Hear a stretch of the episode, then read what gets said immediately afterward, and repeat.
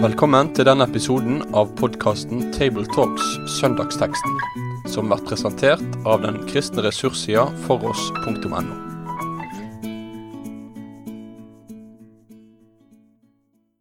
Hjertelig velkommen til en ny episode av podkasten Tabletalks, der vi samtaler om søndagens tekst.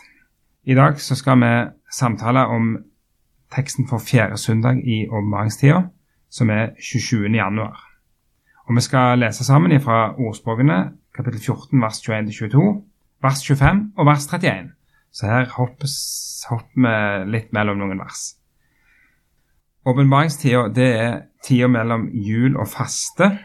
Og det som vektlegges i åpenbaringstida, det er særlig hvem Jesus er. En slags eh, avdekking av han som ble født i, i julen før vi skal begynne å forberede oss mot påsken. Og eh, Den fjerde søndagen i åpenbaringstida, den har ganske altså Evangelietekstene for den fjerde søndagen handler om helbredelse og Jesu makt over dødens krefter. Og så er det i dag da gjort et sånt grep at eh, vi skal denne gangen tale over GT-teksten, leseteksten fra GT. Eh, og ordspråkene 14 kommer jo å lese om den svake, nødvendigheten av å møte den svake Eh, og, og, det å vise nestekjærlighet. Det er jo særlig de poengene som, som det står mye om i, i, disse versene. Med meg i studio så har jeg Sverre Bø. Og så er det meg, Knut Kåre Kjerkholm, og det er vi som skal ta dere med i en uh, samtale over disse versene fra ordspråkene. Og Da kan Sverre få lov til å lese versene fra ordspråkene 14. Synd gjør den som forakter sin neste Salig er den som viser medynk med de fattige. De som tenker ut ondt, farer alt de vil. De som har godt i sinne, møter godhet og troskap. Et sannferdig vitne berger liv.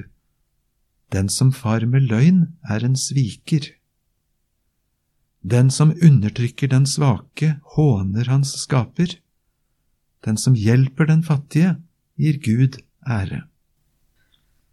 Ordspråkene er jo en litt sånn merkelig bok, kanskje. Eh, jeg har av og til tenkt at eh, hvis Gud skulle ha en Twitter-konto og sende ut tweets, så er jo ordspråkene det nærmeste du kan komme en oppsummering av, av Twitter-kontoen. Her er det disse korte, fundige utsagnene som ofte i seg selv nesten kan ses på som en lukka enhet, altså ett vers. Mens andre ganger så er det gjerne litt mer sånn sammenheng mellom, mellom, mellom vers og, og, og større helheter. Eh, så det er ingen sånn klar disposisjon, og disse her eh, tematikken som tas opp i de ulike tweetene, da, er spredt litt rundt. Eh, og mange av temaene dukker opp flere plasser. Så et ordspråk over ett og samme tema de kan godt være spredt utover i boka. Og Det kan jo gjerne òg være en sånn type tips når en skal jobbe med en pregeforberedelse over, over disse versene. At, at ja, disse versene har en tematikk, og den tematikken den vil òg dukke opp igjen i andre ordspråk. Kanskje 1 i 15, 3 i 16 og 5 i 17. Og kan av og til være en idé å, å foreta en sånn en liten kryssjekking for å se om, om det finnes lignende ordspråk om samme tematikk andre plasser. Og så kan jo det i lag være med å belyse, belyse det, det, poenget og den som en ønsker å, å lufte fram fra, fra det verset som en sjøl preger over. Da. Så det, det, kan være en, en måte å, å jobbe med ordspråkene på. Og ellers så, så, så, er det sånn i ordspråkene at det settes jo en standard, eller en, det settes ned i de første kapitlene, kapittel 1 til 8, eh, med denne kontrasten mellom visdommen og dårskapen, og, og, det er disse to veiene som en skal kunne gå på. Eh, hvem, hvem, går han til? Hvem er den går på middag hos? Går han til fru Visdom og spiser hos henne, eller går han til fru Dårskap og spiser hos henne? Hun ene tilbyr livet overflod, hun andre hun tar deg med ned til dødsriket. Det er ca. den tonen som brukes i kapittel 8. Um, og så står det at gudsfrykten er jo da opphavet uh, til all visdom. Og Det er jo for så vidt noe vi gjerne ser også i disse versene vi sjøl skal se på denne, denne, denne søndagen. At det, det, er nettopp den kontrasten som stilles opp. Eh, Sunn er den som gjør den som forakter sin neste. Den som viser medynk, er salig. Da har du hele tida de derne to veiene som, uh, som står der foran en. Og hva vei går vi på? Det er liksom litt av utfordringen som ligger i, i ordspråkene. Ja, det er kjempespennende. Og det er jo en bok som vi bruker altfor lite Mm. i bedehustradisjonen, og kanskje i store deler av norsk kristenliv. Eh, Og det svarer ikke helt til hvordan den er i bruk ellers. Også i Nyttestamentet så er det faktisk ganske mange sitater fra Salmos ordspråk. Eh, Noen har argumentert for at hele første Peters brev egentlig er bygd over noen utsagn i, i Salomos ordspråk. Og det at nettopp Salomo fikk denne visdommen fra Gud, som defineres som visdom, Mm. og som kan gi menneskene innsikt for å leve godt og rett, det poengteres jo sterkt ikke bare i Salomos ordspråk, men også i første kongebok. Eh, Og vi får høre til og med at tallet på alle disse utsagnene hans, det Twitter-kontoen hans, Mm. det oversteg 1000. Mm. Det Så det er jo ikke noe vi finner på etterpå. Det ligger jo bakt inn i hele bibelhistorien om den visdom han fikk i en gave fra Gud. det, det stemmer. Og um, en annen ting når det gjelder ordspråkene som, som jeg også syns er spennende, er jo at det kan være interessant å se dem òg i lys av en tekst som Salme 1, hvor det tales om, om uh, den salige mann. Det er den som grunner på Herrens lov dag og natt. Så jeg har stilt spørsmålet hvordan er det mulig å grunne på Herrens lov dag og natt? Uh, ja, jeg kan gå og tenke på de ti bud, og det tror jeg kan være en del av det. Det kan være å gå og tenke på vitnesbyrdet om, om Jesus osv. Altså, alt dette er jo en del av Herrens ord og Herrens budskap. Eh, men jeg tror at hvis vi tenker de ti bud, og hvis vi ser for oss liksom det som handler om livet, de to veiene som også Salme 1 snakker om, så er nettopp ordspråkene altså hvordan kan vi liksom gå grunna på Herrens lov? Jo, ordspråkene er en hjelp egentlig til, til det. Til det å leve i den refleksjonen. Eh, for ordspråkene sier noe om livet eh, og er veldig praktiske. Og visdommen i ordspråkene, det, det er jo ikke sånn at du eh, Hvis du pugger utenat eh, ordspråk, ordspråksboka, så er du, du er ikke per definisjon vis hvis du pugger utenat. For poenget er at eh, visdom i ordspråkene er jo nemlig nettopp praktisk livsførsel. Det må leves ut, og, og visdommen den, den blir synlig i hvordan de lever det ut, ikke hva en har inni hodet sitt. Og Det kan være en, eh, en viktig sak å ha med seg òg i, i dette her. Hvis vi går inn i de enkelte versene, vi, vi trenger også å se på de, og, og dette er jo vers som gjerne kan tas eh, trenger å dvele litt med hvert enkelt, enkelt av versene. Så kan vi gjerne bare ta det litt for oss i en viss rekkefølge her. Og se først på vers 21, som sier noe om synd. Eh, og synd er jo også et tema i, i ordspråken, er det ikke det, Sverre, som du har lagt merke til? Jo, for det er det. Det er ikke bare et spørsmål om vaner, eller om hensiktsmessighet, eller om noe vi er for, eller verdier vi vil verne om. Men det er faktisk et teologisk ord som synd, altså overtramp i forhold til Guds regler. Mm. Jeg har med Gud å gjøre. Og det er jo nettopp det teksten vil fram til. Hvis jeg omgås mine medmennesker med forakt, ta syndere jeg. Har med Gud å gjøre. Det er ikke bare en sak mellom meg og min neste. Mm. Veldig praktisk omsatt. Hvis jeg driver og kjører for fort, så er ikke det en sak mellom meg og politiet bare. Men jeg har med Gud å gjøre. Jeg har syndet mot Gud hvis jeg gjorde det. Eh, Teologisk sagt, med Davids ord fra Salme 51, 51,6, Mot deg alene har jeg syndet. Det sier han etter å ha drept Urias, og etter å ha krenket og forført eller voldtatt Batseba, og prøvd å lage en dekkoperasjon for folket. Egentlig så er det deg alene jeg har syndet mot. Ikke det at han ikke hadde fått gjort noe vondt mot medmennesker, men jeg har med Gud å gjøre når jeg har med min neste å gjøre. Veldig poengtert. Mm. Og så tar det seg videre om, om medynken mot de fattige. og det er jo I vers 20 rett før så er det jo nettopp sagt at det normale tilstanden er jo at vi bryr oss mest om de rike. Men den som faktisk viser medynk eh, mot de fattige, det, den er salig. Så der brukes også et teologisk uttrykk som er verdt å merke seg. Og legg merke til at det står 'vise medynk', Mm. ikke bare 'føle medynk'. En ting er å se en fjernsynsreportasje av noen som har det ille, og tenke 'så ille', Mm. sånn er ikke jeg for, og så stemmer vi imot i, i den grad vi har stemmerett. Men her handler det om å vise, om å gjøre, om faktisk å utgjøre en forskjell for vedkommende.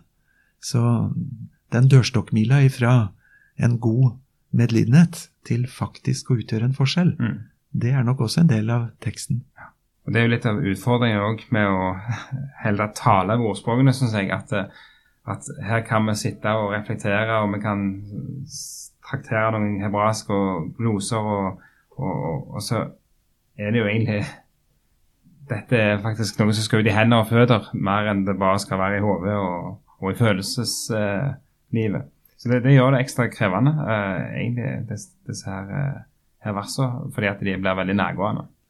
Det er godt vi har talsmann, Den hellige ånd, som er spesialist i akkurat det å flytte det ifra teorien mm. også til virkelighet. Både som den vonde samvittigheten når vi har forsømt oss, og som den gode veilederen, sånn at vi kan vandre i ferdiglagte gjerninger. Mm.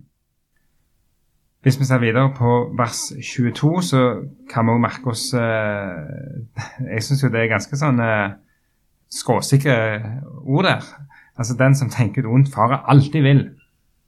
Eh, og den som har gått i sinne, møter godhet og troskap. Og på en måte så er det jo sånn Bibelen altså, der, Du finner den tanken i Bibelen. altså Du høster det du sår. Og, og du, du, får igjen konsekvensen av, det du gjør. Men så vet vi jo selvfølgelig fra livet, og Bibelen har selv gitt oss en motstemme i, i jobb f.eks. Og, og andre plasser, at uh, selvfølgelig så er livet mer komplisert enn at den som tenker ondt, alltid farer vill. Uh, det vil si han farer på en måte vill åndelig talt, men, men, uh, det er ikke alltid det blir så synlig i, hvis vi måler til suksessskala og sånne ting. Så, så her, her stiller vi inn i, i in, blir stilt inn forbi en, en, litt sånn utfordrende landskap, egentlig, som handler litt om dynamikken mellom, mellom ja, hva du sår inn, og hva du får ut av, av livet. Jeg er enig i det, og jeg skal ikke være altfor spissfindig, men jeg la merke til ordlyden her. Mm. De som tenker ut ondt. Mm. Det er liksom ikke uttrykk bare for at du et øyeblikk kom på en ond impuls, mm. men du har lagt en plan. En målbevisst strategi som egentlig er ond. Mm. Eh, jeg sier ikke at det løser hele greia, men altså den som legger opp sitt liv legger en strategi. Retningen er grunnleggende ond. Eh, da er det uttrykk for noe mer enn bare å snuble inn i en synd ved en anledning. Mm.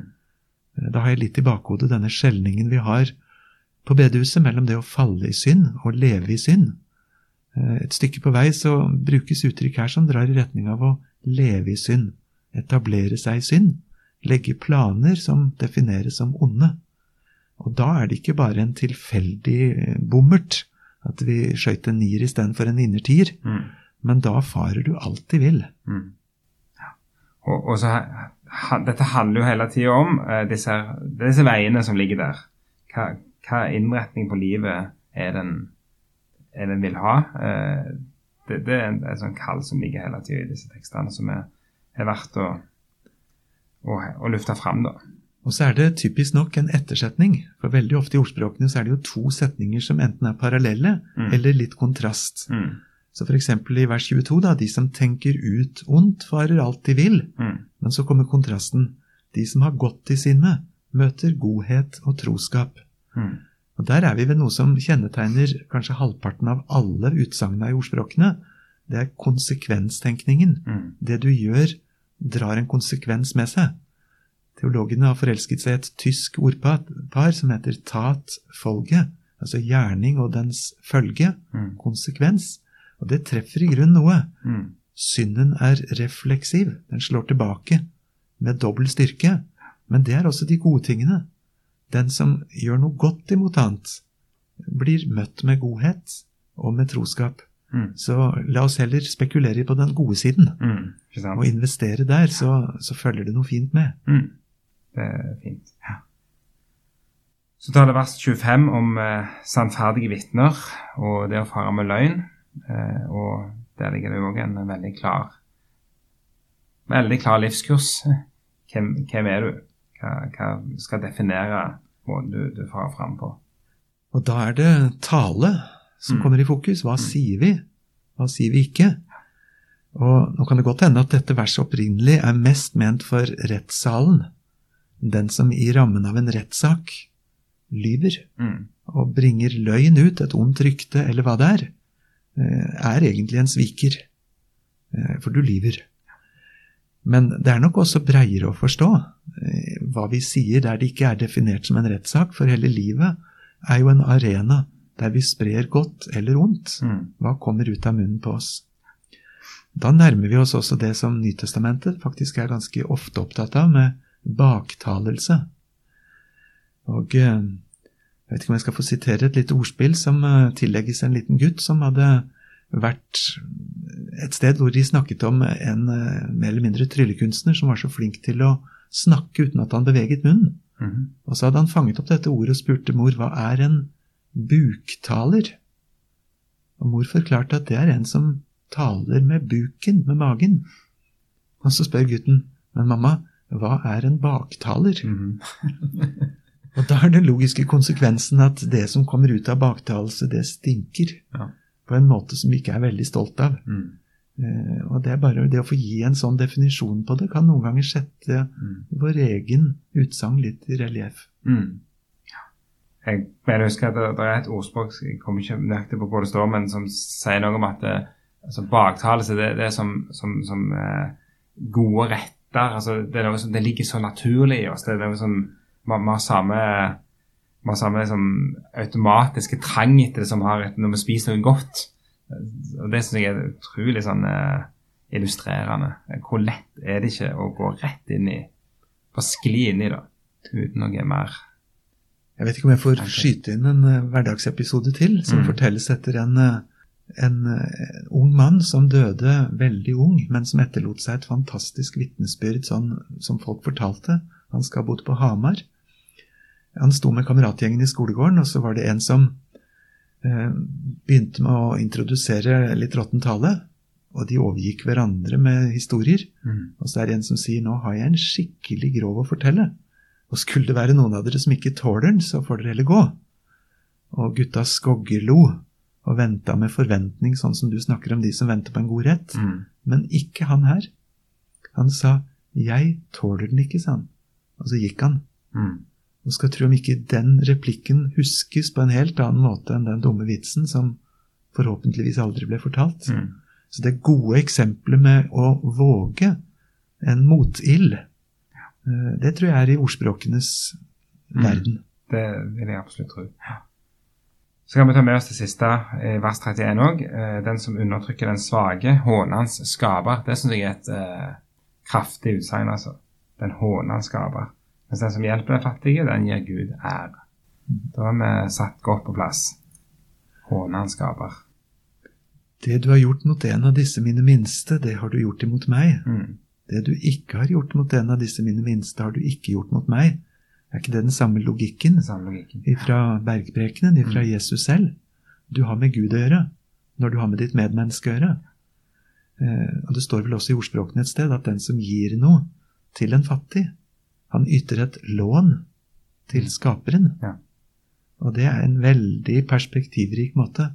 Jeg gir bort noe må føre det som tap i mitt regnskap, men ikke i det lange regnskapet, for det går lenger enn som så. Mm. Jeg må tenke lenger frem. Og da ser jeg at egentlig så hadde jeg med Gud å gjøre da jeg møtte også den fattige. Jeg tenker på 1. Johannes 3, hvor Johannes sier at den som ser sin bror lide nød, men lukker hjertet til når han har mer enn nok å gi av, hvordan skulle Guds kjærlighet kunne bli i ham? Vi forstår det er et retorisk spørsmål. Nei, det går ikke an. Men hvis ikke det går an, hvordan skal Guds kjærlighet kunne bli i meg? Jeg som forsømmer så altfor mange ganger å hjelpe den som virkelig er i nød. Mm. Så her løftes det hele til et veldig høyt plan.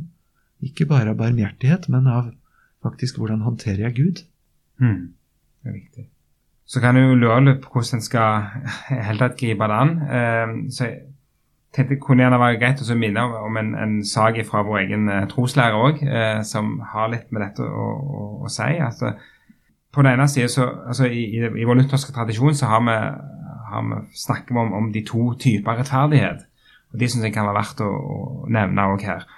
Eh, der vi på den ene sida løfter fram den rettferdigheten som kommer utenfra, og som ble gitt til oss, altså den rettferdigheten som Jesus har, og som, han, som vi får i Han, eh, det at dette fullkomne livet som, som det jo tales om her, og som, som luftes fram som idealliv, at det, vi skal få lov å tro at det er et liv som er levd for oss. Så når vi skal overfor Gud, så skal vi få lov å være i Kristus, og vi skal få, få tro at livet er levd eh, allerede av en annen. Og Det er den ene type rettferdighet. Og så er det samtidig som det er sant, så er det sånn at eh, vi har et medmenneske, vi har en neste. Eh, og vår neste trenger våre gode gjerninger. Det er ikke noe Gud trenger. Eh, det er ikke han som eh, han, han kan ikke bli mett, og han kan ikke bli kledd osv. Eh, men vi har med han å gjøre likevel, og, og gjennom vår tjeneste for vår neste så, så har vi med Gud å gjøre. Men det er vår neste som trenger det. Eh, og, og Derfor så, så, er den andre formen for rettferdighet det handler nettopp om det at, at som kristne så skal vi leve eh, vår neste og tjene vår neste og gjøre godt imot vårt medmenneske. Eh, og så skal vi aldri ta det med oss inn i tanken om at det gjør jeg for å fortjene noe hos Gud, men vi skal leve i den dobbeltheten. Og Kanskje kan det være sånn et teologisk grep som kan være med å, å vise oss at disse tekstene som, som handler om, om, livet, og som handler om, om hvordan en skal leve, at de, de eh, angår både helt konkret inn i hverdagen, og så kan de òg være et, et, steg inn i å kunne si at eh, den som tror på Jesus og er i han, har òg fått eh, her, eh, dette livet av han. Da. At de, det, det er sånn et teologisk samspill som det har vært å merke seg. Ja, det er helt sikkert. Og det hjelper å rydde i hodet og få lov til å tenke på de to forskjellige sidene der av ordet rettferdig. Hvis, eh, eller når, du skulle talt til den, denne teksten her, hva ville du særlig fokusert på? Har du tenkt på det? Dette er kanskje en av de ytterst få anledningene jeg ville prøvd meg på å tegne mens mm. jeg står på talerstolen. Mm. Og jeg er så dårlig til å tegne at jeg ville ikke våge det lenger enn akkurat å tegne en trekant. I trekanten skulle det øverst stå Gud, og så i det ene hjørnet så står det jeg, og i det tredje hjørnet så står det min neste. Og så ville mitt forsøk på en preken være å forklare at de tre hører sammen. Når jeg beveger meg på et alminnelig hverdagsplan og forholder meg til medmennesker, da er det mer å fortelle. Trekanten peker opp, mm. både fra mitt hjørne og fra mitt medmenneskes hjørne. Jeg har med Gud å gjøre. Og så kan det nok hende at innledningsvis i preken så vil jeg eh, i en liten parentes sagt at jeg syns det er en dårlig vane å hoppe fra ett vers og så til et annet, og så til et tredje når vi lager prekentekst. Her syns jeg vi skulle lest sammenhengene fra vers 21 til 31. Det hadde kanskje tatt noe sånt som ett minutt og ti sekunder. Det tror jeg vi kunne spandert på en søndag eller annen anledning. Mm. For det vi hopper over, det setter ofte ting litt mer i sammenheng, selv om ordspråkene tilsynelatende hopper litt. Men det vi hoppet over i dette tilfellet, det er gjentatte vers som begynner med å frykte Gud. Det er prikk, prikk, prikk. For det hører med også i ordspråkene. Det er ikke bare allmennvisdom som Konfusius eller Gandhi kunne lært oss, eh, men det begynner med å frykte Herren. Det er basisen som disse tingene er gitt på. Jeg er litt redd for at det kan bli borte når vi hopper mm. over slike vers, men vi har anledning til å si det, mm. og det tror jeg vi skal klare. Absolutt. Og jeg tror jeg sjøl ville gjort noe av det samme. At eh, jeg ville òg eh, brukt litt tid på akkurat en sånn type introduksjon og prøvd å brukt anledningen til å, til å lufte fram ordspråkene og, og, litt av det som foregår i ordspråkene. Og, og ja, hva, og gudsfrykten da som nøkkelen inn i ordspråkene og til å forstå ordspråkene. Og kanskje at det, i tillegg til at det, det, kan være mulig å si noe veldig praktisk om, om livet, så er det òg mulig her også kanskje eh, anspore folk til å tenke at ordspråkene det, det, er en plass hvor jeg bør kan spandere litt tid og kanskje lese en tweet til dagen eller et eller annet sånt for å la det berike. Eh, jeg har hørt om de som har eh, hatt for vane å lese hver måned, ett kapittel hver dag, så du leser ordspråkene sånn på en jevn basis, f.eks. For, for at det lar seg fylle med, med, med, det som de taler. Så det, det kan være en sånn type Kanskje en ansporing for, for noen av de som, som hører på oss.